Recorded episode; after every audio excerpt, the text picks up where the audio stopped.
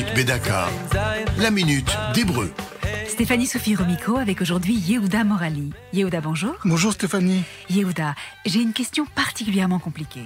Hier, un client m'a refusé un projet d'affiche. J'ai changé deux, trois éléments et je lui ai montré ce matin une nouvelle proposition. Il l'a repoussé en me disant sèchement Ota Giveret Bechenou Yaderet. Giveret, je sais, ça veut dire une femme. De quelle Giveret parlait-il? Mot à mot, l'expression signifie la même dame avec un manteau différent. Elle vient d'une autre expression courante en yiddish qui signifie la même dame avec un vêtement différent. Ota Giveret, la même dame, Béchinouille, avec un changement, Aderet, un beau vêtement, un beau manteau. De quel vêtement parlait-il?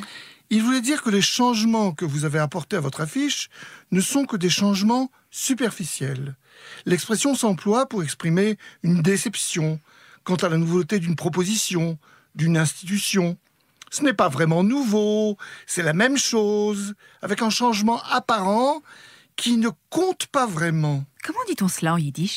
Dieselbe Dame, nor anderes gelschleiert. Vous savez le yiddish? Ah non, pas du tout, j'aimerais bien, mais j'ai appris la phrase pour l'occasion.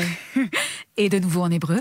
Ota giveret, bechinouille aderet.